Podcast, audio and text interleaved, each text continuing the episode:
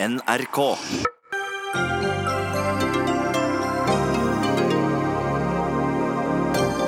NHO mener vi på sikt må fjerne selskapsskatten. Det kan ikke være et forslag på ramme alvor, mener økonomiprofessor. Et mysterium at Karin Fossum er utropt til Norges fremste krimforfatter, skriver anmelder. Slakteranmeldelse helt på bærtur, svarer krimforfatter Tom Egeland. Og tidligere utdanningsminister Gudmund Hernes vil ha mobilforbud i skolen. Som å gå baklengs inn i framtida, svarer Elevorganisasjonen.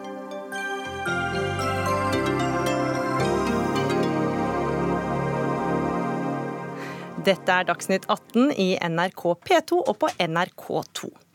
Å skjule Rødt seg bak fine begreper, eller har partiet et velfungerende alternativ til vårt økonomiske system, spør samfunnsøkonom Steinar Juel i Civita, som møter Rødts nestleder Marie Sneve Martinussen til debatt. Jeg heter Gry Veiby. I vår globaliserte verden må vi endre måten vi har bygget opp skattesystemet på. Det mener næringslivets hovedorganisasjon NHO, som i sin siste kvartalsrapport bl.a. sier at vi må være forberedt på å fjerne selskapsskatten på sikt. Og Selskapsskatten er altså en flat skatt som alle bedrifter med overskudd må betale. Og I dag er den på 23% Og Dere har fått mye kritikk fra mange økonomer for eh, dette. Kristin Skogen Lund, administrerende direktør i NHO. Og det er ikke bare selskapsskatten dere mener vi må tenke nytt rundt, men la oss begynne med den. Hvorfor mener du at vi må begynne å se på selskapsskatten? Ja, La meg aller først få lov til å presisere at vi foreslår ikke at dette er noe vi skal gjøre nå, men vi ønsker å dra opp en, en debatt rundt eh, fremtiden til den skatteformen selskapsskatten er. Og bedriftene skal jo bidra med skatt, selvfølgelig. Og ingenting hadde vært bedre enn om vi bare kunne hatt selskapsskatten uten den internasjonale konkurransen vi nå ser. Men sånn er det ikke, så vi må forholde oss til det som skjer. Og det er to problemer med selskapsskatten.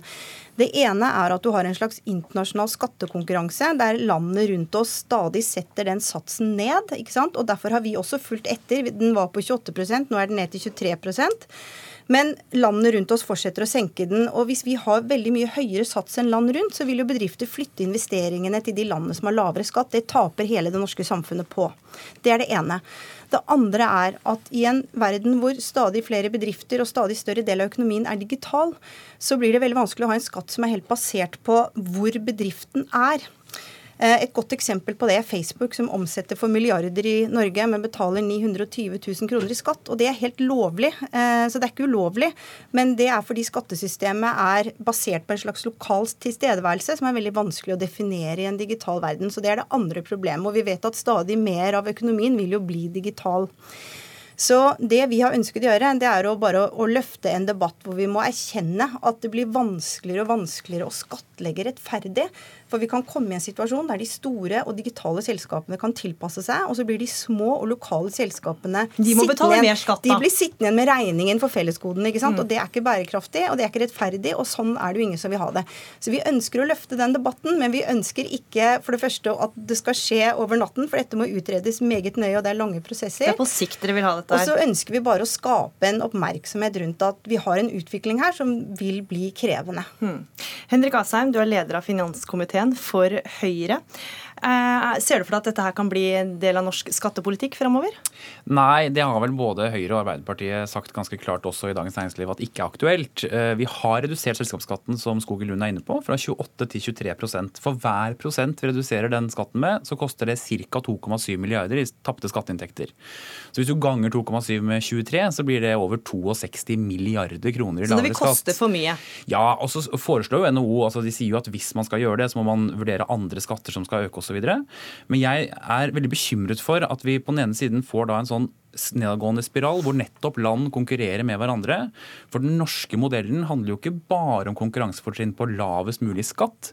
Vi, har, vi bygger veier, vi har forskning, utdanning til alle osv. Så, videre. så det er en sum som gjør Norge konkurransedyktig, ikke bare ett enkelt tiltak. Men slik jeg forstår NHO, så er det eiendom skal f.eks. skattlegges høyere. Ikke det, kunne ikke det vært en måte å gjort dette på? Ja, altså det er vel det man foreslår f.eks. For forbruk og eiendom. Og det vil jo da gjøre at du tar bort, hvis du ser for deg tre påler, da, du har bedriftsskatt, eiendomsskatt og forbruk, så tar du bort en påle, så må de to andre bli høyere. Og Da kan du begynne å skatteplanlegge på en annen måte. Vår filosofi har hele tiden vært å ha en lavest mulig skattesats med bredest mulig skattegrunnlag. Altså Det er bra å skattlegge mange ting på en forholdsvis lav sats. Det gir konkurransedyktighet og forutsigbarhet, og vanskeligere å skatteplanlegge seg ut av. Så Fjerner du en av de stolpene, så blir det også lettere å tilpasse seg. og Det er vel det NHO sier også, at skal man gjøre noe sånt, så må man utrede det skikkelig. Og jeg tror at man da vil avdekke at det kan bli vel så vanskelig for bedriftene som det å ha en forutsigbar, eh, forholdsvis konkurransedyktig og lav selskapsskatt. Mm. Ja, nei, altså Jeg er jo på mange måter enig. Altså Dette er veldig vanskelig. og Det ideelle hadde jo vært hvis hele verden hadde en uh, selskapsskatt på 25% ikke sant? Ingenting hadde vært bedre enn det. Men uh, det er Men hvordan en... ser vi i dag at det er konkurransevridende at andre land har lavere selskapsskatt enn det vi har? Jo, det du ser da, at Hvis f.eks. nå så, så Sverige er på vei ned til 20% La oss si vi holder oss på 23% da, da er det 3% forskjell i selskapsskatt. Da er det mange bedrifter som, hvis de har en type virksomhet hvor de ikke er så nøye om, om det ligger i Sverige eller Norge, så vil jo de legge en virksomhet eller en investering til Sverige istedenfor for, for å betale mindre skatt. Og det ser vi jo, ikke sant. Og det taper jo ikke bare bedriftene på, men det er jo først og fremst samfunnet som taper på det. Mm. Men da kan du se for deg, sant, hvis man alltid skal følge den laveste og jeg vil jo si at NHO argumenterer jo ikke sånn sett for en nedadgående spiral. Det er jo full gass nedover, for du skal ned på null. Nei, men vi eh, mener jo det, ikke det, da. Nei, da, jeg skjønner det. jeg skjønner men på sikt mener du det? Men, altså, det vil jo være... Jeg mener ikke. Vi bare jeg må få Det er uunngåelig å komme dit, ja, mener dere vel? At, liksom, vi, vi, ønsker det ikke, vi mener det ikke. sånn sett, Men det er viktig å, å, være klar over at vi kan ikke sitte her i Norge og late som at ikke verden blir global og digital, og at dette foregår. og vi, Den debatten må vi ta. Og det er vanskelig å finne inndekning. Eh, Eh, så det, vi har ikke svaret på det heller. Mm. Så, så, men denne debatten må kunne tas uten at man liksom da skal tillegges et motiv om at man ikke vil betale skatt. Det er ikke det det handler om. Det handler om hvordan klarer vi å skattlegge på en effektiv, altså sånn at det taper minst mulig, men også rettferdig måte. da. Mm. Ja, og Det er jo en av de utfordringene som man står i. Jeg har selv deltatt i Brussel i et møte med øh, finanskomitélederne fra alle EU-land, hvor alle er bekymret for dette. Fordi vi skal klare to ting. Vi skal klare å skattlegge internasjonale selskaper som det er vanskelig å si akkurat hvor hører til. ikke sant? Og samtidig skal vi sørge for at vi har en skatteinngang som er god nok til å nettopp opprettholde et godt utdanningssystem, bygge veier, forske osv. Derfor så diskuterer man jo nå internasjonalt, både i EU Det er en grunn til at jeg, jeg er vel en av fem igjen i Norge som er for at Norge burde vært medlem av EU, men jeg mener at EU er veldig bra. fordi det av og til så springer utfordringene over, på tvers av landegrensene, enten det er klima eller her, da, store selskaper. Og da må politikken følge etter. Så da kan man heller bli enig da, om en uh, skattesats, f.eks.? Ja, jeg mener at det ville vært veldig bra. Eller hvis man ser på en måte å skattlegge f.eks. svære selskaper som Google og Facebook på en rettferdig og konkurransedyktig måte, som gjør at ikke de kan unngå skatt i alle land, men tjene penger i alle land. For det er ikke en god uh, løsning på sikt. Mm. Og jeg er helt enig at det beste hadde vært å få til en internasjonal sats, en internasjonal avtale. Men altså selv innen EU så klarer man jo ikke dette. ikke sant? Der sliter man med Irland og Luxembourg f.eks., som har mye lavere sats, og som gjør at det blir skjevt, og at det blir en urettferdig konkurranse også innad i EU. Men det beste hadde vært en internasjonal avtale. Men norske politikere kan altså ikke bare sitte og stikke hodet i sanden og, og, og, og, tro at man blir enig internasjonalt, for det er det ikke gitt at man blir. Så vi må ha et, kanskje et litt mer aktivt forhold til hvordan vi kan løse dette. Men si, Det gjør vi heller ikke. Norge går faktisk ganske langt foran på dette. Og man jobber også ganske tett opp mot nettopp EU for å få et felles regelverk. Men allikevel så har vi Irland, da, som har veldig lav eh, selskapsskatt. Ikke sant? Og da er spørsmålet skal Norge, eller den nordiske modellen, da, hele tiden følge etter og forsøke å ligge 1% under Irland? Eller skal vi si at vi må klare å balansere dette på en måte som gjør at du får en rettferdig bedriftsbeskatning, men også en velferdssamfunn som gjør at vi får konkurransefortrinn som er Norge kommer aldri til å bli billigst, men vi kan være smartest, og vi kan være best, og vi kan være mest effektive. Sånn at bedrifter fortsatt vil være her? Nettopp. Og jeg tror ikke bedrifter bare ser på selskapsskatten når de skal velge land. Jeg tror de ser på summen av kompetanse, samferdsel og skattenivå. Og Derfor så har jo denne regjeringen også redusert skattene med 24 milliarder kroner, mye til næringslivet, nettopp for å skape forutsigbarhet og konkurransedyktighet. Men det kan ikke bare være skatt, det må også være andre ting. Ja, Lund, Det er jo fortsatt mange selskaper i Norge. Alle flytter jo ikke til Irland? Absolutt, ja da, og, og vi tåler nok en noe høyere sats, men vi tåler ikke en for høy sats. Og så er det altså to problemer. Det er ikke bare den internasjonale skattekonkurransen, det er også dette at det blir digitalt og stedløst. Og da eh, er det vanskelig med en skatt som er helt basert på geografi. Eh, så det er to problemstillinger her, vi må huske på det. Mm. Jarle Møen, du er professor ved Norges handelshøyskole i Bergen. og Du er en av dem da som har engasjert seg i Dagens Næringsliv, for dette har skapt uh, mange bølger innad i finansmiljøet. Hvorfor uh, er du ikke begeistra for tankene til NHO her? Eh, nei, Det er mange grunner til det, men det er, si det er stor forskjell på å diskutere et forslag om å fjerne hele selskapsskatten, uh, selv på lang sikt, og det å justere den med noen noen prosentpoeng. Og jeg greier ikke helt altså, Det vil kreve en så dyptgripende skattereform at jeg greier ikke helt å se for meg hvordan et sånt skattesystem skulle se ut. Nei, kan du si noe om hvilke konsekvenser det ville fått da for norsk økonomi dersom selskapsskatten forsvinner? Ja, For det første så er det jo, som Asheim var inne på, betydelig tapte skatteinntekter som vi da måtte dekke inn gjennom andre, andre skatter, og det vil skape store problemer. Men i tillegg så, så henger de ulike skatte, skatteslagene veldig nøye sammen i, i Norge og, og, i andre land.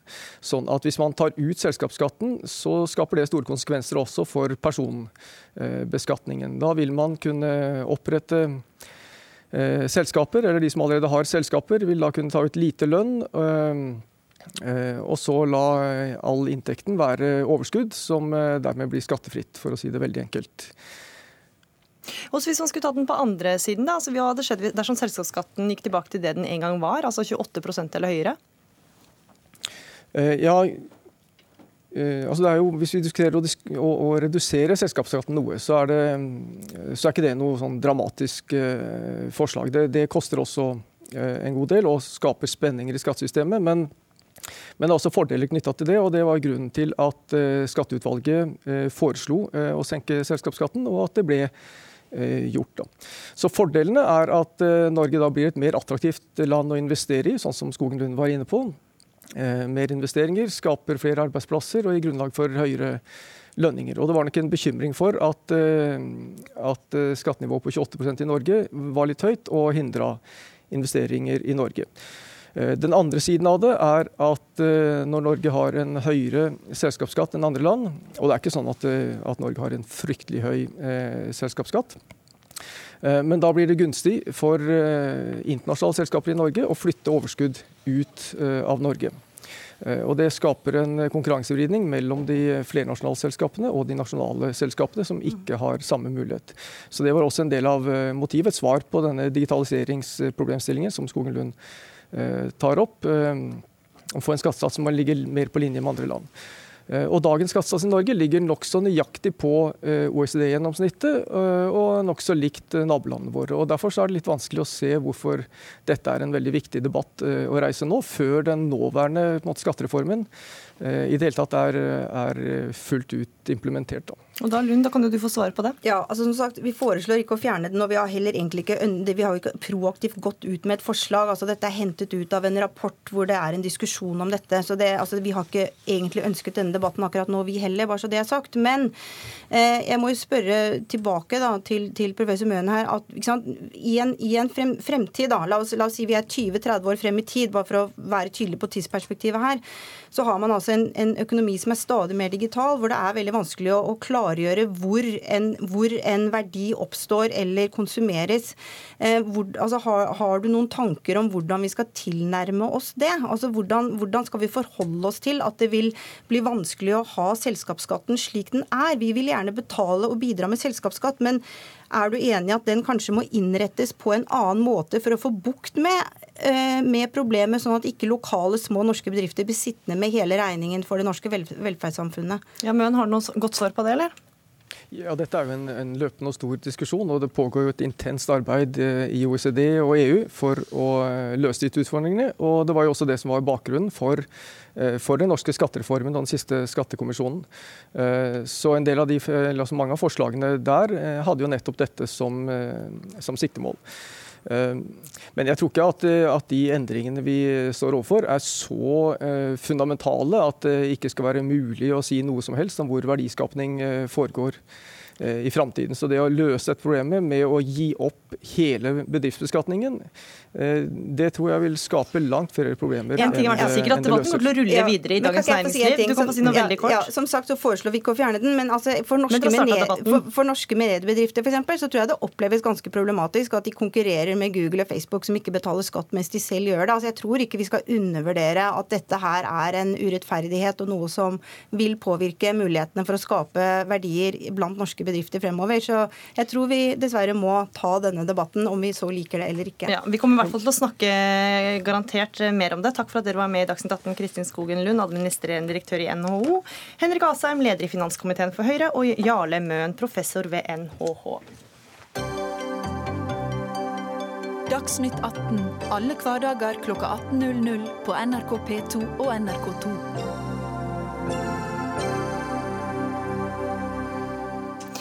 Etter at eh, Frankrike innførte totalforbud på smarttelefoner i skolen, er det flere og flere som tar til orde for at det samme skal skje også i Norge.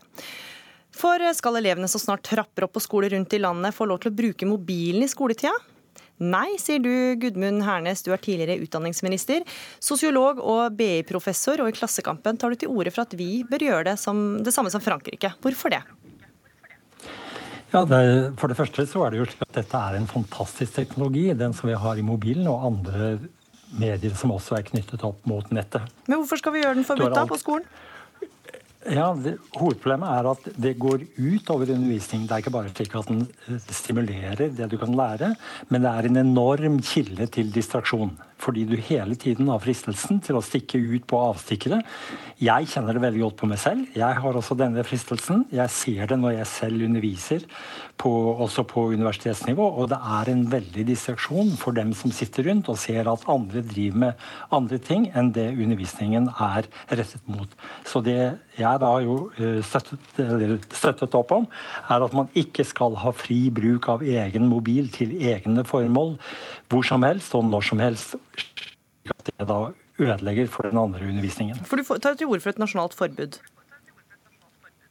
Ja, det er det letteste. Det betyr ikke at man ikke kan ha situasjoner hvor man bruker også mobil i undervisningen, men da som ledd i undervisningen og som en planlagt del av den. Ikke at hvem som helst kan eh, sitte og smugkikke under pultlokket for å drive med andre ting enn det undervisningen er rettet mot, og slik at de forstyrrer de andre elevene og forstyrrer læreren, som da oppdager at dette skjer. Alida De Lange Dagostino, du er nestleder i Elevorganisasjonen. Hvorfor er et nasjonalt forbud feil medisin, mener du? Altså, eh, Det er ikke belegg for å si at eh, alle elever eller alle lærere ønsker et eh, mobilforbud. Det er sånn at Noen vil ha det, og andre vil ikke ha det.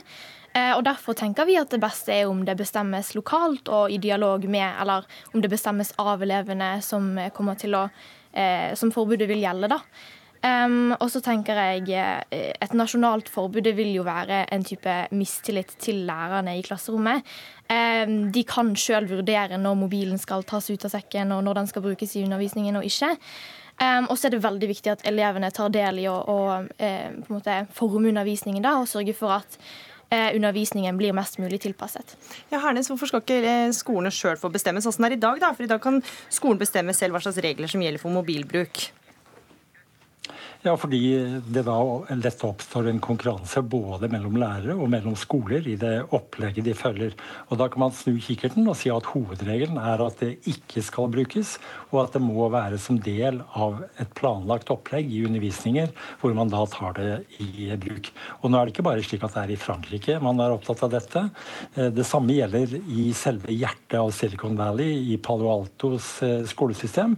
Så har man veldig strenge regler som er nokså parallelle til det som Macron nå foreslår. Mm.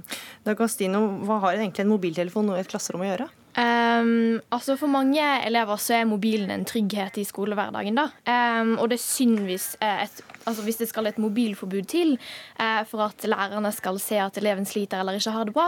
Så jeg tenker at uh, her må det flere lærere inn på banen. Vi er veldig glad for at det, skal, det trer en lærernorm i kraft uh, ved skolestart. Og så tenker jeg at Nå viser vi veldig mye til Frankrike og England her, men forskningen som er gjort og de skolesystemene som er der, de er ikke overførbare til det skolesystemet vi har i Norge. Her er det eh, mange digitale verktøy, og jeg tenker at det er den retningen vi burde fortsette å gå i. Ja, Hernes, er jo, Mobil er jo kommet for å bli. da. Kan vi ikke heller spille på lag og bruke det mer aktivt i undervisningen og ha det med? Jo, vi kan godt eh, bruke den aktivt, og jeg er ikke imot at man gjør det. Det jeg er imot, det er den frie bruk, hvor hver enkelt bestemmer når det er de skal ta telefonen i bruk, mm. og når de derfor er fri til å forstyrre de andre og distrahere seg selv. Nå er det ikke bare i England og i Frankrike at man har denne diskusjonen. Den har man over hele verden, og den vanlige oppfatningen er at også norske skoler lærer av de erfaringer man gjør andre steder. Også hvis det er nye hjelpemidler som tas i bruk og de problemer og de muligheter som det byr på. Jeg tenker Her er vi enige om at eh, mobilen må brukes eh, konstruktivt i skolen. Um, men så tenker jeg også at vi må bruke skolen som institusjon for å bevisstgjøre elevene på eh, ting som nettvett og selvstendig mobilbruk. Da. Så i stedet for å forby mobilen fra skolen og dermed på en måte skyve ansvaret for dette over på hjemmet og det som skjer etter skoletid, så tenker jeg at mobilen, mobilen må være til stede på skolen, sånn at eh, den kan brukes eh, konstruktivt. Dere er vel ikke enig i at den skal brukes konstruktivt, Hernes? Nei, det, det, kan gjerne brukes eh, konstruktivt. Men det vi har mange eksempler på, er at nettopp det ikke skjer. Mm. At det er en kilde til distraksjon. Og jeg ser det jo selv i min egen undervisning. Det ene jeg ser, er at mine egne fristelser det andre jeg ser, det er at disse fristelsene er store også for andre. Og at det betyr at de plutselig er et helt annet sted enn i klassen eller i forelesningssalen. Slik at da må man ha et opplegg som i utgangspunktet sier at her hører det ikke hjemme, hvis det ikke er del av et planlagt opplegg som del av undervisning. Og man må gjerne ta opp også etiske spørsmål i bruk av mobiltelefon, men det er ikke å skyve dette over på familien. Familien har selvsagt et helt eget ansvar også for hvordan eh, barn bruker sine eh, IT-redskaper. Vi skal ta inn en tredjeperson her. Finn Lea, du er rektor ved Kannik ungdomsskole i Stavanger. Der har dere forbudt forbudt all mobilbruk innendørs i halvannet år nå. Hvilke resultater ser dere? Jo, vi ser positive resultater. Eh, vi har hatt som du sa, det reglementet nå i et halvannet år. Uh, og det som du sier at det ikke er lov å ha mobil, det er det, de, elevene har, har, lov å ha med seg mobil, men de kan ikke bruke den i undervisningstiden. De må legge den rett og slett i sekken? De må i sekken eller i lommen. og det, Før tidligere så trengte de ikke det, de kunne ha den framme, men de fikk ikke lov å bruke den så sant læreren uh, ga tillatelse til det. Uh, de har lov å bruke den nå òg, så sant læreren gir tillatelse til det, men de får ikke bruke den i friminutt annet, uansett, så sant de ikke går ut i skolegården.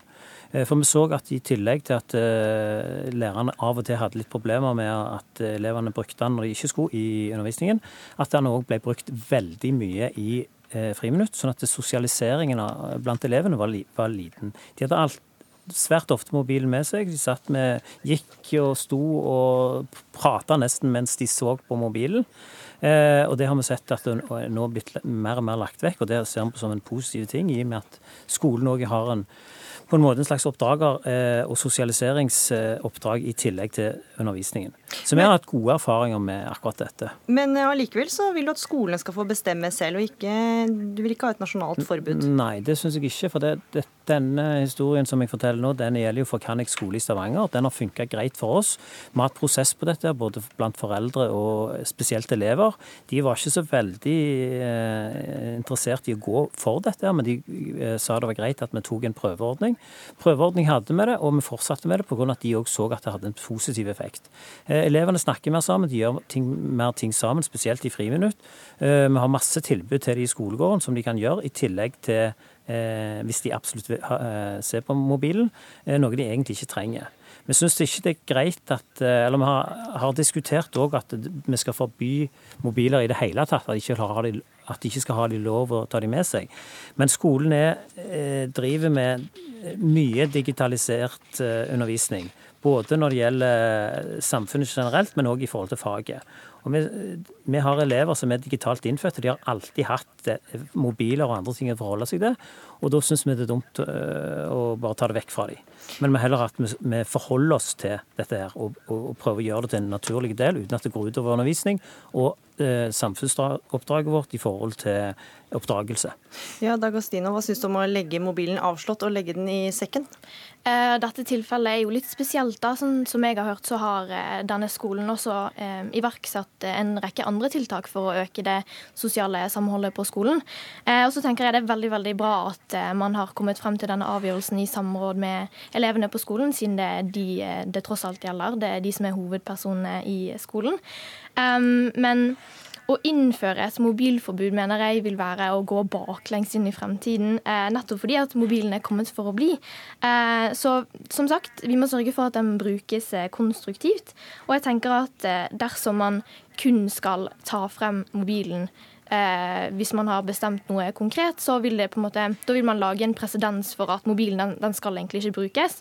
Eh, og da venner vi oss på en måte til tradisjonell undervisning, som vi vet ikke fungerer for eh, alle sammen. da. Men å ha mobilen framme på pulten, vil ikke det være veldig fristende for veldig mange å sitte og begynne å sveipe i den? Eh, det er mulig, det. Men jeg tenker dette ansvaret ligger litt på både læreren og eleven her. da. Læreren må legge opp til at undervisningen er relevant og spennende. Og eleven de er tross alt på skolen for å lære, så jeg har veldig mye tillit til de elevene som går på skolen. så jeg tenker at det koker ned til tilpasset opplæring her, og så må eh, lærer-elev-relasjonen styrkes. Mm. Gudmund Hernes, hva syns du om det? Ja, altså jeg syns det er veldig fint det som er eh, gjort i Kanvik skole. og jeg syns at det man skulle gjøre, er å bruke det så å si som en startkabel for å få andre skoler til å forsøke det samme. Men en måte man kan gjøre det på, det er altså ved at man vender brettet her og sier at i utgangspunktet er det slik at man ikke bruker det. Og nettopp av de grunner som du var inne på, at det er så fristende hvis det er fritt frem til å vende seg bort fra undervisningen. Det er ikke god tilpasset opplæring, det er distraksjon. Og så, når man da har dette som et utgangspunkt, så kan man altså da prøve ut de ordninger som f.eks. man legger opp til nå i Frankrike. I tillegg vil jeg si at det vi bør gjøre nå, er å følge det som skjer i Frankrike, og se hva vi kan lære av det. Da har du i hvert fall fått eh, en oppfordring eh, kanskje norsk, andre skoler følger etter. Gudmund Hernus, professor ved BI, takk for at du var med i Dagsnytt 18. Takk også til deg, Finn Lea, rektor ved Kannik ungdomsskole i Stavanger, og Lida De Lange Dagostino, nestleder i Elevorganisasjonen.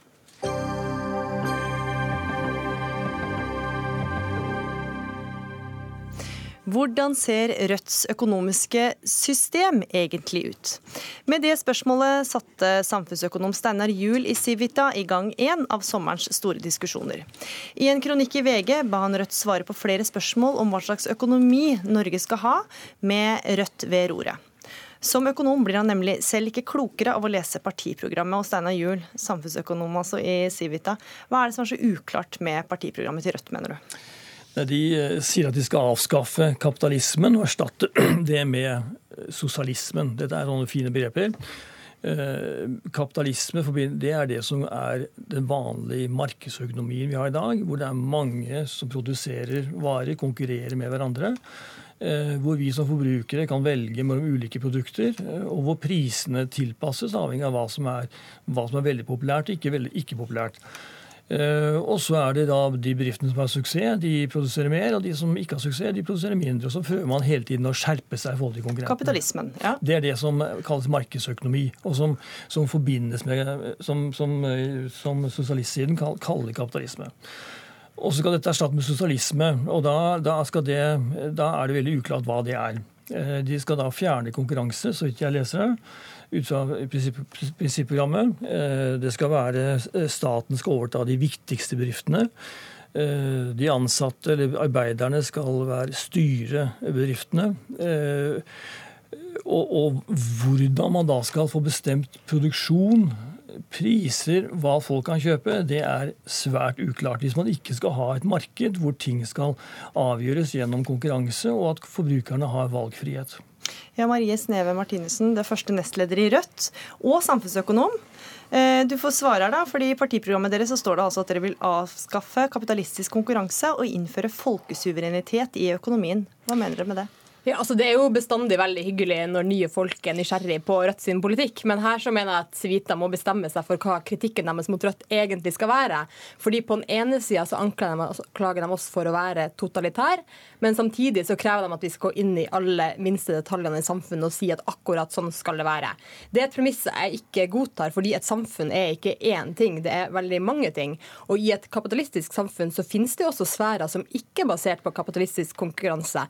Eh, og i Norge så er det jo noen av de her sosialistiske innslagene, noen av de beste tingene med landet vårt. F.eks. helsevesenet, skolen, folketrygden og sånne ting som vi er veldig glad i. Eh, og det viktigste for Rødt er å hindre eh, at det skjer en konsentrasjon av makt og penger, som vi ser i dag, der globale storselskaper får lov til å styre på bekostning av demokratiet. Så når dere vil avskaffe kapitalistisk konkurranse, så betyr det det? Det betyr uh, at vi ønsker mindre av den kapitalistiske konkurransen som vi i dag ser i eh, flere, uh, gjør inntog i flere sektorer. F.eks. i velferden så får vi nå kommersielle aktører som baserer seg på nettopp dette prinsippet om å skulle tjene penger. Hvor ser man at man kan tjene mest penger? Men samtidig så må man være tydelig på at det er jo ikke uklart hva Rødt går til valg på. Vi har jo politiske programmer både for Stortinget og for kommunestyrer. Vi har et alternativt Men det er tydeligvis ikke så lett, da, siden Steinar Julia lurer på hva, hva, hva det står egentlig? Altså, jeg spør om, om, om, hva dere mener i, ut fra prinsipprogrammet. En ting er, Jeg kan også lese arbeidsprogrammet deres, og det er for så vidt der er det mer konkret. Og når jeg spør om disse, reiser, disse spørsmålene om hvordan det økonomiske systemet skal være, så er ikke det en detalj. altså.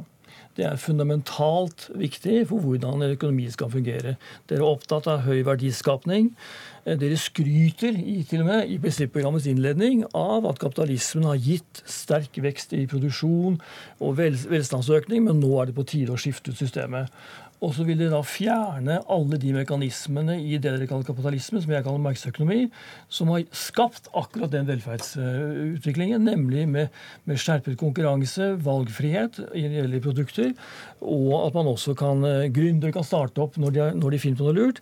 Eh, det, det, det, for meg virker det helt ulogisk, og, og dere er veldig utydelige på hvordan dere skal opprettholde da en høy velstand, samtidig som dere fjerner mekanismene som har skapt den. La oss ta det med gründere. Fordi, hva med folk som har gründerideer? Kan de personene starte på en bedrift i Norge, eller bør de da flytte til utlandet? Men her synes jeg at vi har en debatt som går på to veldig ulike ting. For det første, er det sånn at Steinar Juel mener at alle ting i Norge i dag styres av kapitalistisk konkurranse? Eller er det sånn at vi har ting i Norge i dag som ikke styres av prinsippet om at profitten skal bestemme? Jeg mener at de beste tingene vi har i Norge i dag, som arbeiderbevegelsen har kjempa frem for, eh, for, å få til fellesskap og rettferdighet, de er ikke basert på kapitalistisk konkurranse. F.eks. om jeg er syk så får jeg den medisinen jeg trenger, jeg får den hjelpa jeg trenger, helt uavhengig av om man kan tjene penger på det eller ikke. I USA så er det ikke sånn. Der har man kapitalisme også i helsesektoren. Der er det private helseforsikringsselskap som bestemmer hvor mye man må betale for det. Som f.eks. en person som har genetiske sykdommer i familien, må betale en høyere forsikring. fordi der skal man tjene penger på folk sin sykdom. Det er det her som jeg mener er den kapitalistiske konkurransen som vi ønsker ikke skal gjøre et større inntog i Norge, som nettopp skal gjøre et mindre inntog. så hvor mye skal staten eie, f.eks.? Det er jo ikke sånn at det Rødt ønsker er nødvendigvis at staten skal eie veldig mye. Vi ønsker at noen viktige samfunnsinstitusjoner skal eh, kunne være i statlig eie, som f.eks. Statoil eller Equinor. Men samtidig så er jo når vi sier at, dem, at økonomien skal være demokratisk styrt, så betyr det f.eks. at folk som jobber i en bedrift skal kunne være med og både tjene på den verdien som skapes der, men også bestemme over bedriften. Og f.eks. at i kommunestyrer eller regionale styrer skal kunne bestemme mer over det. Og det står ikke i vårt program at det er staten utelukkende som skal bestemme. Men hvis jeg får lov til å stille noen spørsmål spørsmål tilbake. Mm. Så det er det som er grunnen til at jeg er økonom og med i Rødt. fordi det er ganske mange ting med det systemet som Steinar Juel forsvarer, som jeg ikke forstår. F.eks. For hvordan skal man kunne ha økonomisk vekst til evig tid på en jordklode med begrensa ressurser? Sånn fungerer systemet vårt i dag. Hvor mange nullskattytere godtar vi å ha i Norge? Hvor går grensa? Hvor mange penger kan eh, Stein Erik Hagen tjene på dem som jobber i Orkla sin matvareproduksjon? Hvor Men la oss ta det første spørsmålet, da. Altså, rikeste mann blir? Du, du, du, forholder deg ikke til det jeg spør om. Du, Men du forholder deg åpenbart ikke til det jeg spør om heller. Jeg, jeg har tatt opp en del spørsmål. Det kan vi ta en diskusjon en annen gang. Men vi har tatt opp en del spørsmål hvor jeg spør dere konkret om ting. Og du, det svarer ikke. men hun viser vel bare det at systemet vi har i dag, er jo En blandingsøkonomi. Ja, ja, men det kan jo ikke vokse inn i himmelen, økonomien her det, vi har vokst veldig mye, og, og det, hvor mye du kan vokse, det tør ikke jeg si. Og, det, og dere, det, dere sier, at man kan godt tenke seg å ta ut mer av velferden i form av fritid, ja, kan godt være det. Men, men, det er en helt annen debatt. Det, som, dere, dere, ikke forholder til, er hva, hvordan, skal dere, hvordan skal dere erstatte den rollen som markedet har i en, marks, i en, blandingsøkonomi som den vi har, med noe annet. Skal det være planøkonomi? Det, det har vi forsøkt mange ganger før, og det har vært mislykket Herzliches gjennom historien. Ja, så Hvordan skal denne overgangen skje fra samfunnet vi har i dag? Rødt er jo et parti som ønsker mer demokrati, også over økonomien. Vi går til valg på våre programmer. Hvis folk stemmer på Rødt, sånn som på andre partier, så får vi gjennomført vår politikk. En Men hvordan skal den, dere endre samfunnet? En del av den realpolitikken som man peker på, er jo nettopp å få mindre konkurranse og mer samarbeid. Ha mindre profittmotiv og sette menneske og miljø, miljø først. F.eks. når man skal regulere hva man skal kunne gjøre i olje- og gassektoren. Så, så hvis du skal svare på spørsmålet mitt, da, hvordan skal vi få dagens system til å bli i Rødts system? Hvordan ser dere for den overgangen? Eh, det vil jo åpenbart være ved at veldig mange mennesker er enig i Rødt sin politikk. Eh, men Si de er enig i Rødts politikk, og hva vil skje da? Ja, men da La meg stille et annet spørsmål. La, la, oss si at flertallet i Norge har stemt inn Rødt, eh, fått et stort flertall på Stortinget, og vi gjennom alle vanlige konstitusjonelle lover eh, endrer en del lover i Norge, f.eks. Grunnloven, som krever to tredjedels flertall, gjør det to storting på rad. Da blir mitt spørsmål tilbake til Steinar Juel. Ville dere godta en sånn samfunnsendring? Nei, men det er ikke spørsmålet. Hvordan vil den samfunnsendringen ja, Da vil den åpenbart fungere på den måten at veldig mange mennesker stemmer på Rødt, og at man følger helt vanlige Men hvordan vil samfunnet se ut, da? Vi sier dere det, det scenarioet du skisserte her. Ja, For å avklare et par ting. Det er ikke sånn at Rødt sier at vi ikke ønsker marked og ikke ønsker konkurranse på noe som helst måte. Det Rødt sier, er at privat eierskap over store, viktige samfunnsinstitusjoner, sånn som infrastruktur, naturressurser og ting som er viktige for oss alle, det ønsker vi å styre og eie i fellesskap. Og så er det jo viktig å ha konkurranse på veldig mange ting. Konkurranse i produkter, konkurranse i politiske så, partier. Sånn som jeg hører det nå, så det, blir det ikke så stor endring, nei, egentlig? Nei, det gjør ikke det. Men, men, men, men prinsipprogrammet deres gir et helt annet bilde. Eh, hvor det står eh, sånn fritt etter hukommelsen at, at, at, de viktigste stor, viktige bedrifter skal, skal være samfunnseid. Eh, og så har dere, dere har tidligere også Men det er jo det hun sier, at viktige bedrifter skal være samfunnseid. Og så kan det være noen uviktige som er det. Og, og, det, og det, hva, hva, som er viktig og uviktig, tør ikke jeg si. Men, men, men det, det, dere også har påpekt noen ganger, er at utviklingen i Norge fram til ca. 1980, da var det en sånn positiv utvikling. Og så kom liberaliseringen fra ca. 1980 og utover på 90-tallet osv. Og, og det er negative til. Eh, og Det betyr f.eks. at en av liberaliseringstiltakene kom, som også er infrastruktur, var at Televerket ble gjort om til Telenor og at vi fikk en åpning for at vi kunne ha andre leverandører av teletjenester også i Norge, som vi alle nyter godt av. Vil dere reversere det? Altså, jeg forstår at Steinar Juel ikke er enig med meg. Dette kan være eksempel som dere kan, kan eh, svare på. Uh, om vi vil reversere ja, uh, Televerket. uh, Nei, det er ikke høyest på vår ønskeliste. Vi sier at f.eks. Et, stat, et selskap som Statoil og Equinor, som er viktig for overgangen til et fornybart samfunn, det er en veldig viktig selskap som vi ønsker at vi skal ta av børs og nasjonalisere. Det eier man stort sett. Og da, Steinar Juel, samfunnsøkonom i Civita, og Marie Sneve Martinussen, første nestleder i Rødt. Vi kom ikke lenger her, men dere kan fortsette debatten utenfor studioene. Jeg vet ikke om du ble så mye smartere, Juel, men litt fikk vi vel vite om Rødts politikk? Ikke så veldig mye smartere, nei. Og økonomisk vekst skal foregå for alltid.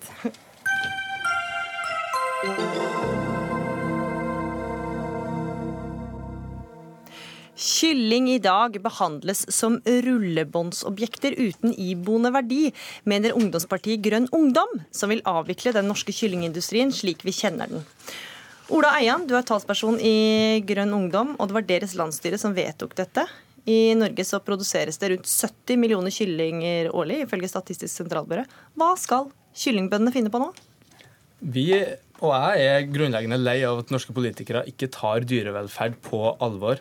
Nå har vi en kyllingproduksjon som rett og slett er uverdig dyrevelferdsforholdene i kyllingsnæringa.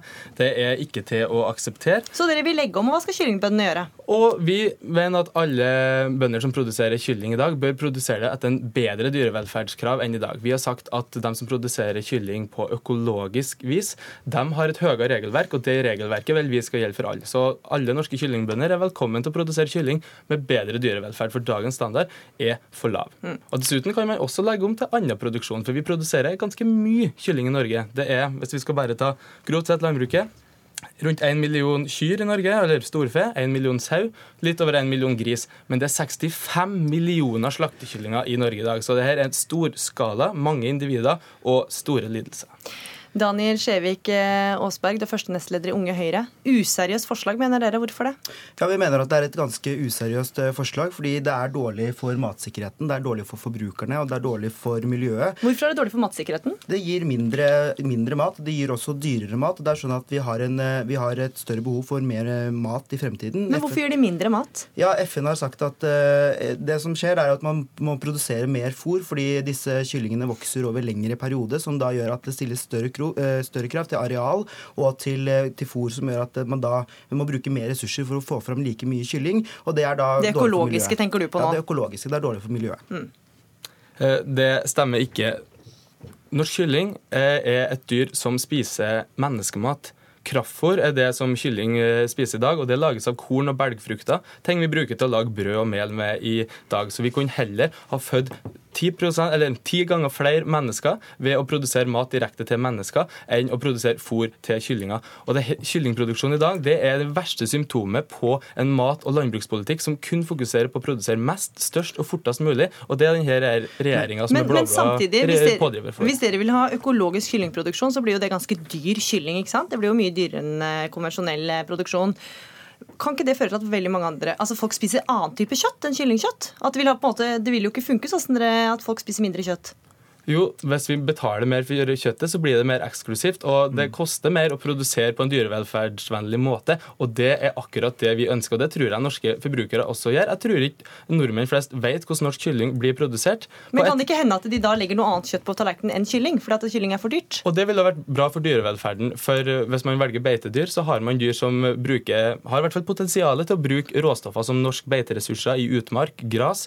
Det er ressurser som kyllingen ikke bruker når en kun spiser kraftfôr. Da man kunne produsert mer mat. Og det er dessuten mer dyrevennlig. For kylling får aldri gå ut av fjøset. Fjøset er stengt, vinduene er spikra før og bort. Det finnes ikke dører eller vindu for norsk kylling. De får aldri se verken sollys eller gå på jordsmonnet eller spise maten utfor veggen på gården. Ja. Jeg tror ikke folk kommer til å betale mer penger for å få maten som de får på bordet. Og det er dessuten sånn at uh, innenfor økologisk produksjon av kylling, så er det også uh, mesteparten øh, Mesteparten er um, er eh, ikke grovfôr, men kraftfôr. Så poenget her er at det fremdeles vil være tillatt med masse kraftfôr i eh, økologisk kyllingproduksjon. og Da burde jo poenget til Grønn Ungdom være at vi skal fjerne den økologiske kyllingproduksjonen også. Og tilbake til dette med dyrevelferd. Det er sånn at vi har eh, verdens strengeste dyrevelferdsregler. Vi har verdens beste dyrehelse. Og det er sånn at det er mange andre eh, typer for dyrehold som har mye dårligere dyrevelferd og dyre, dyrehelse enn det kyllingproduksjon har. Så da antar jeg at Grønn Ungdom også ønsker å avvikle disse formene for dyrehold. Ja, Eian, og vi kan jo si Apropos eh, dyrehold, så er det jo Vi har ikke med noen kyllingprodusenter her i dag, men mange av de vil jo sikkert mene at kyllingene deres har det ganske greit.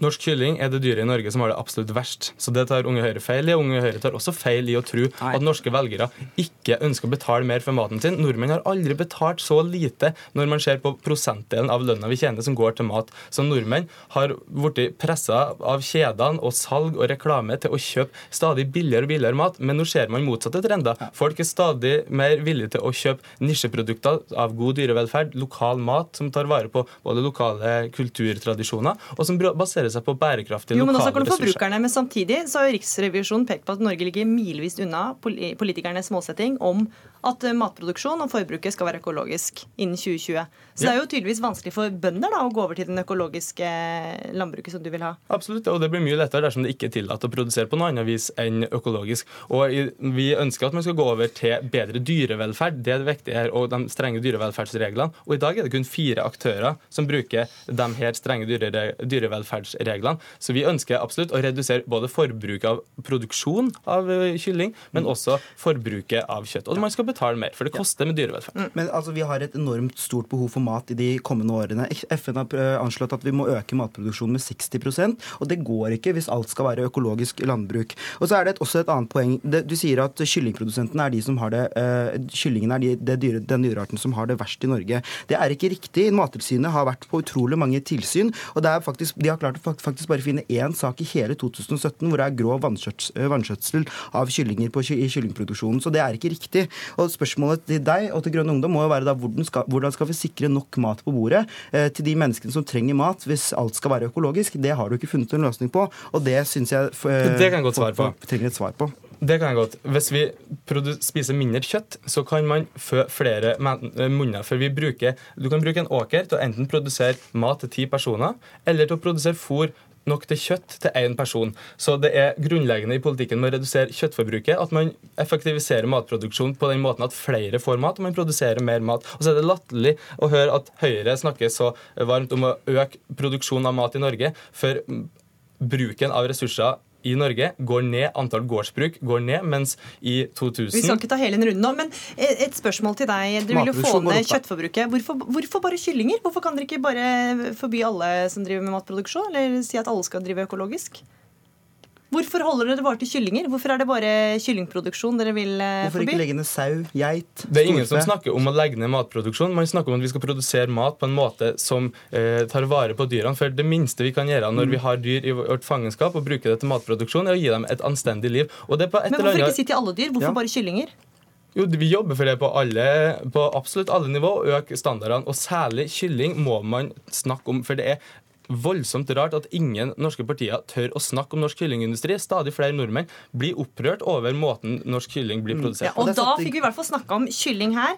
Det er lite som tyder for at dere får forslag for dette forslaget, men nå har vi i hvert fall lufta det her i Dagsnytt 18. Takk for at dere var med, Daniel Skjevik Aasberg, første nestleder Unge Høyre, og Ola Eian, talsperson i Grønn Ungdom. Hør Dagsnytt 18 når du vil. Radio NRK Radio.nrk.no.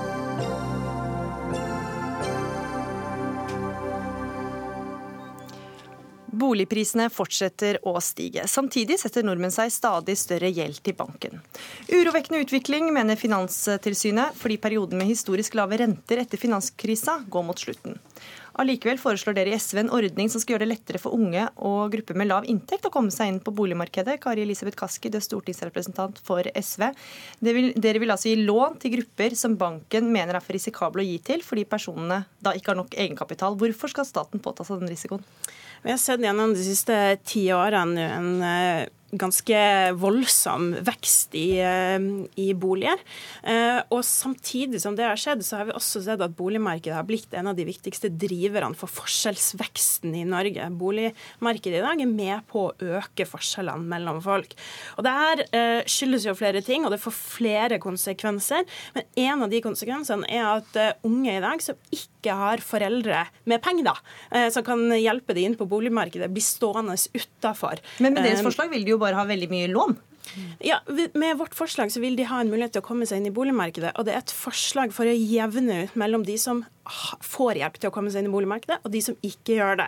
Så er det et av flere forslag som vi har lansert i vår boligpakke, som handler om å klare å få kontroll på boligmarkedet og sikre at det er et boligmarked som funker folk, for folk flest, og som ikke er med på å øke forskjellene i dag, men at vi heller kan få et boligmarked som er med på å jevne de ut. Mm. Mari Holm Lønseth, du er stortingsrepresentant og bolig, boligpolitisk talsperson i Høyre. Hvorfor skal ikke politikerne hjelpe unge som ikke nødvendigvis har pengesterke foreldre, da, til å komme seg inn eh, i boligmarkedet? Det jeg mener SV gjør med det forslaget, her, det er rett og slett å lure ungdom også inn i, en, eh, inn i en ond spiral. For det man gjør, er at man pøser på med mer kreditt inn i boligmarkedet, som også fører til at boligprisene stiger. Samtidig som ungdom også kanskje da får høyere gjeld enn hva de kanskje klarer å betjene. Men som da vil, ikke, var... vil de aldri få lov til å være med på boligfesten, da, de som ikke har foreldre, kjøpesterke foreldre i ryggen? Derfor er vi nettopp nødt til å gjøre mange tiltak på tilbudssida, sånn at det blir lettere for folk å komme seg inn på boligmarkedet. Og det er der den der onde spiralen til SV topper seg litt. fordi at de er for å pøse mer kapital inn i boligmarkedet, som fører til at prisene går opp. Samtidig som man konsekvent sier også nei til tiltak som vil gjøre at det blir billigere for ungdom å kunne kjøpe seg inn på boligmarkedet. Det er jo nettopp de tiltakene som gjør at det blir raskere, enklere og billigere å bygge, som gjør at det blir lettere for ungdom å, å komme seg inn på boligmarkedet. Jeg mener at vi har kommet en ganske lang vei. Vi har de høyeste igangsettingstallene nå siden 1980-tallet, men vi har en lang vei å gå. Og jeg har ikke hørt ett eneste tiltak fra SV i boligpolitikken annet enn at man skal ha mer gjeld eller økt skatt. Og det tror jeg ikke er medisin som boligmarkedet trenger fremover nå. Med respekt å melde så har vi diskutert det så mange ganger at du skulle tro du hadde fått med deg flere av tiltakene våre i den boligpakka vår.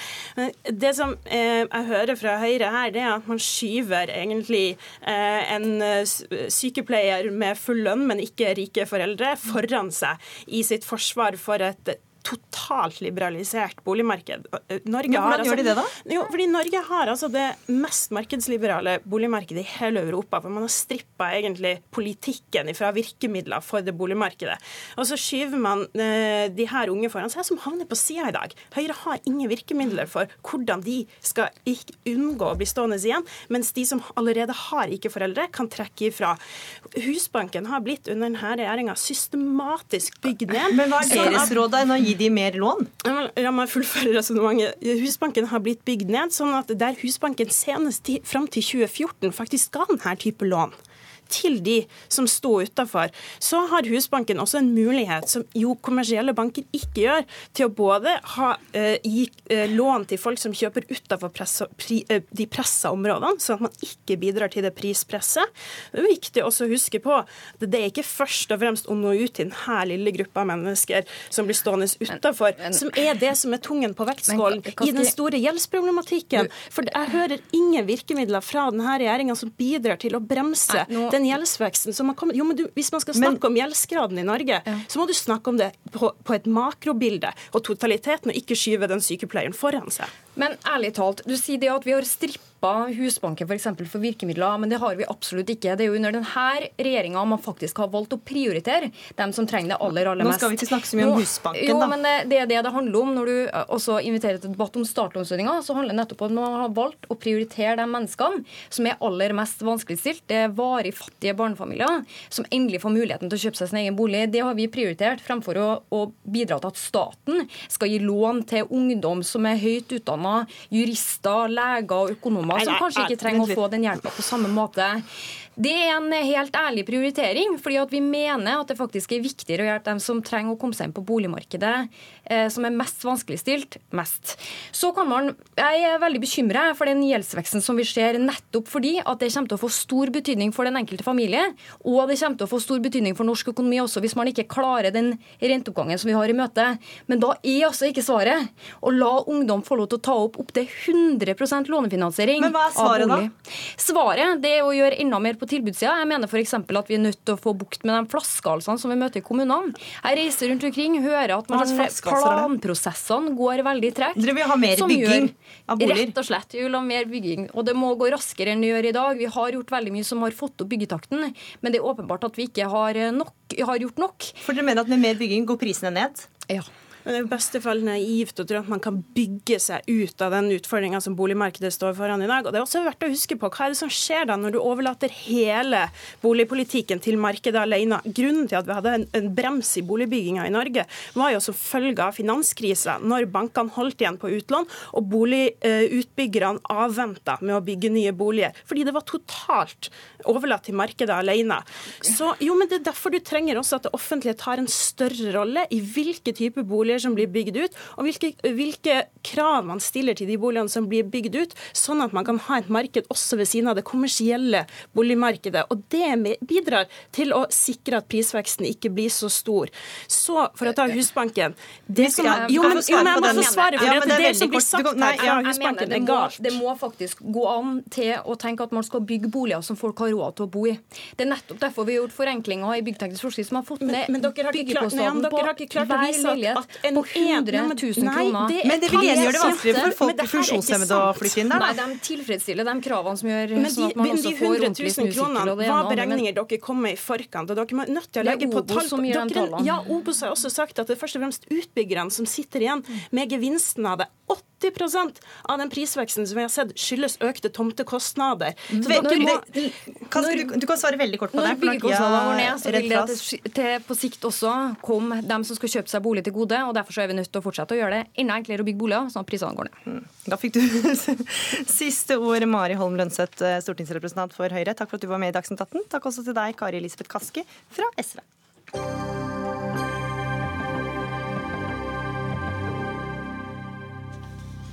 Det var nok eh, flere som så rødt da de åpna lørdagens eh, boksider i Aftenposten.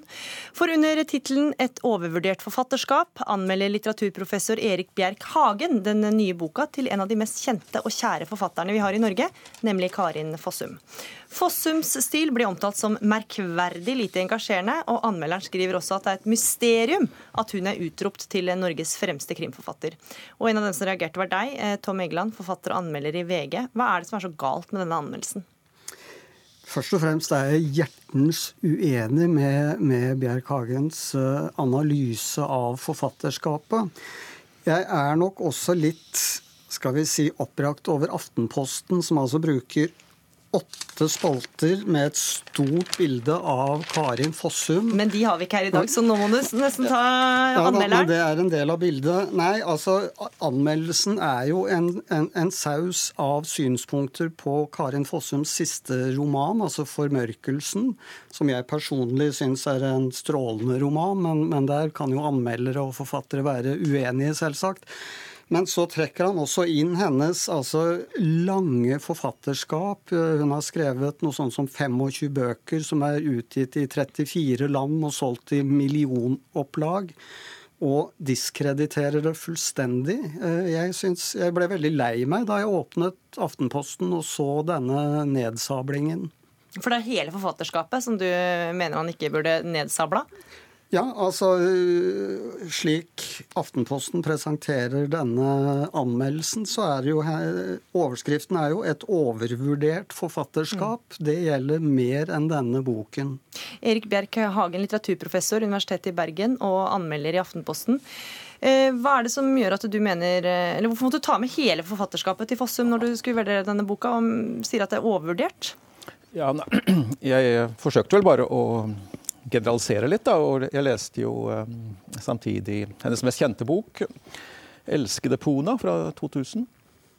Og den likte og, du? Og den likte jeg bedre. Så, så, så det, var, det, var, bare Men heller ikke den syns jeg var liksom uh, på det nivået at, at, at, det skulle tilsi at dette er den beste norske kriminalforfatter gjennom tidene. Da. Uh, og jeg syns ikke den heller nådde opp liksom, i konkurransen med den alminnelige litteraturen i perioden. La oss si fra 1980 til i dag. Da. Så det er liksom ikke en roman man ville lest om igjen, tror jeg. Men du er, du er innmari hard i klypa. Et overvurdert forfatterskap, skriver du jo. Ja, det var jo overskriften. da. Altså, ikke sant? Jeg generaliserte litt også, og trakk inn da, hennes mest uh, kjente roman. Så, men først og fremst så sa jeg at jeg ikke likte denne siste romanen. da. Men, men altså, at heller ikke den, den antatt beste helt når opp liksom til blant det beste av norsk litteratur da, i, i, i perioden. Og det, det, bør jo da eh, den beste norske kriminalforfatteren i perioden gjøre. Egeland, er ikke dette bare en helt uh, vanlig Det er jo sånn anmeldere gjør hele tiden. De vurderer jo bøker og setter det inn i forfatterskapet. Jo da, men jeg syns nok Bjerk Hagen er uh, urettferdig mot Karin Fossum i dette tilfellet. Altså, dels er vi saklig uenige. Jeg syns Karin Fossum er en strålende forfatter. Uh, ikke bare kriminalforfatter, men altså skjønnlitterær forfatter. Uh, noen av de punktene som Bjerk Hagen holder imot henne, er jo altså f.eks. Altså, det alminnelige og tilfeldighetenes spill. Det mener jo jeg er hennes styrker. Altså hennes forfatterskap er veldig neppe. Det er tilbakelent, det er rolig, det er sakte. Veldig annerledes enn det mange av oss andre holder på med, som er hva skal vi si, mer thrillerbasert og mer spektakulært og, og høytropende. Uh, Karin Fossum er en, er en uh, lavmælt, ettertenksom, dyptpløyende forfatter med stor psykologisk innsikt. Og uh, det er selvsagt uh, Bjerk Hagens fulle rett som anmelder å være kritisk både til en og flere av hennes bøker. Altså, som alle forfattere så har jo hun vekslende kvalitet. Men å, å, å, å, karakterisere Karin Fossums forfatterskap som overvurdert på den måten som gjøres i, i søndagens Aftenposten, syns jeg er uh, urimelig overfor Karin Fossum. og, og ja, jeg mener rett og slett det er feil. Mm. Ja, Hagen, altså Dette er jo en forfatter som har vunnet Brageprisen, Amalie Skram-prisen, Riverton-prisen. Det er jo ikke hvem som helst uh, du anmelder her? Nei, men uh, gamle anmeldelser spiller liten rolle når man skal vurdere en bok her og nå. Så um, Det var det jeg tok utgangspunkt i, min opplevelse av denne boken her og nå. Da syns jeg det var, det var, en litt likegyldig bok, der hvor man ikke kommer inn i personene og inn i handlingen. Men samtidig så skriver du et overvurdert forfatterskap når du bare tar utgangspunkt i én bok. Nå vender alle tilbake til denne overskriften hele tiden. Jeg, jeg skrev anmeldelsen, og, da generaliserte jeg ved også å trekke inn én annen bok, da, ikke sant. Og satte viss og stilte spørsmål da ved, ved denne kåringen til Riverton-klubben i fjor, der, der, hun ble kåret til tidenes beste norske kriminalforfatter. Men hva hadde det med den, det var, denne boka å gjøre? Det var jo bakgrunnen, da. ikke sant? Ja, hva hadde det med denne boka å gjøre? Hvorfor er det relevant i denne boka, tenker du? Ja, altså Det er jo relevant at, at hun stort sett bare får strålende kritikker av alle. Da, da later det til å, å, ha satt seg som en slags vane i kulturen eller i feltet. ikke sant? Og da er det jo på tide at noen sier fra at dette kanskje ikke er fullt så glimrende, i hvert fall ikke hver gang, da. Ja, Egeland, et nytt friskt blikk? Eh, nei, jeg er ikke enig i det. Jeg syns ikke blikket verken er friskt eller godt. Uh, Bjerk Hagen trekker jo fram perifere Caleb Cars, 25 år gamle The Alienist, som, som et godt eksempel. Han er en veldig perifer Og det blir litt som å spørre hvorfor ikke Kygo spiller frijazz. Og eh, vi skal også si at uh, uh, forfatteren selv ikke hadde anledning til å være med. Tom Egeland, krimforfatter, anmelder og formann i Beaverton-klubben, takk for at du var med. Det var alt vi rakk. Erik Bjerk Hagen, også litteraturprofessor ved Universitetet i Bergen, takk for at du var med. Dagsnytt 18 over. Ansvarlig Anne Katrine Førli. Stein Nybakk var teknisk ansvarlig, og i studio Gry Veiby.